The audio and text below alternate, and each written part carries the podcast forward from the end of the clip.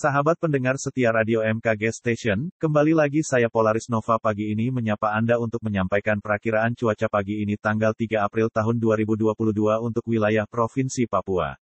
Perakiraan ini berlaku mulai pukul 9 pagi waktu Indonesia Timur. Berdasarkan informasi dari Balai Besar MKG Wilayah 5, pada pagi ini wilayah Kirom, Lanijaya, Tolikara, Yalimo, Nduga, Mambramo Tengah, dan Yahukimo diperkirakan akan berawan. Sementara wilayah lainnya pagi ini akan cerah berawan. Demikian perakiraan cuaca untuk pagi ini tanggal 3 April tahun 2022. Informasi perakiraan cuaca wilayah Papua bisa sahabat dapatkan melalui Instagram dan Facebook Info BMKG Papua. Simak terus update perakiraan cuaca untuk wilayah Papua melalui kanal podcast Radio MKG yang dapat diakses melalui Spotify, Apple Podcast, dan SoundCloud.